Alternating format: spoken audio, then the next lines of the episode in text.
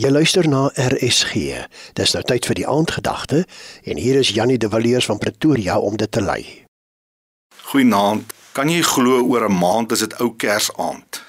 Ek het soveel mooi herinneringe oor al die jare versamel oor hierdie spesiale tyd in my lewe. En nou dat ek ouer geword het, het ek nogal eers begin nadink oor wat die volwassenes in ons familie als moes deurgemaak het om voorbereidings te tref vir hierdie mooi onthou jy nog herinneringe in my lewe. Nou in die Bybelse tyd lees ons in Egipte moes die paas van die huis die paaslam slag en die bloed aan die deurkusyne smeer om te verhoed dat die doodsengel by hulle huis inkom. Vandag, wel, ons kan seker maak almal in ons huis of ons familie het Jesus as die paaslam in die losprys aangeneem om die ewige dood vry te spring.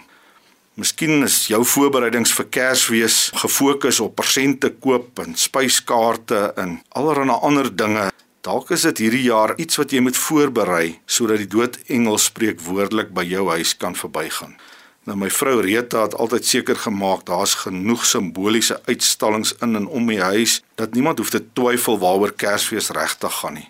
Die kinders was betrek by die maak daarvan en waar dit geplaas moet word. En selfs in die jare wat ons nie Kersfees by die huis was nie, het ons moeite gedoen om seker te maak almal weet waaroor Kersfees gaan. Nou 1 jaar het ons 'n paar mense oorgenooi vir ete wat ons geweet het alleen sou gewees het in hierdie tye. En ons het die Kersverhaal se karakters op stukkies papier neergeskryf en onder elke gas se bord neergesit. En voor ons opgeskep het, moes elkeen die rol gespeel het van die naam wat onder sy bord was. Dit was groot pret aan die een kant, maar ook aan die ander kant 'n verleentheid wat ons gehad het om te besef hoe swak ken ons al die feite en die volgorde van die gebeure van Kersfees. Nou ek wil jou aanmoedig om mooi te gaan sit en besin. Daar's nou nog 'n maand oor wat jy hierdie Kersfees gaan doen om hulde en ere te bewys aan die koning wat vir ons gesterf het om ons van die ewige dood te red. Jesus het in Lukas 9 vers 26 gesê elkeen wat hom vir my en my woorde skaam vir hom sal die seun van die mens omskaam wanneer hy kom. So ons kan baie ure hierdie Kersfees spandeer saam met die mense en ons geliefdes om oor al die negatiewe dinge van ons land te praat. Maar as ons behoorlik voorberei en bietjie tyd neem, kan ons ook die goeie nuus deel en praat oor die redding wat vir ons vas staan vir die ewigheid.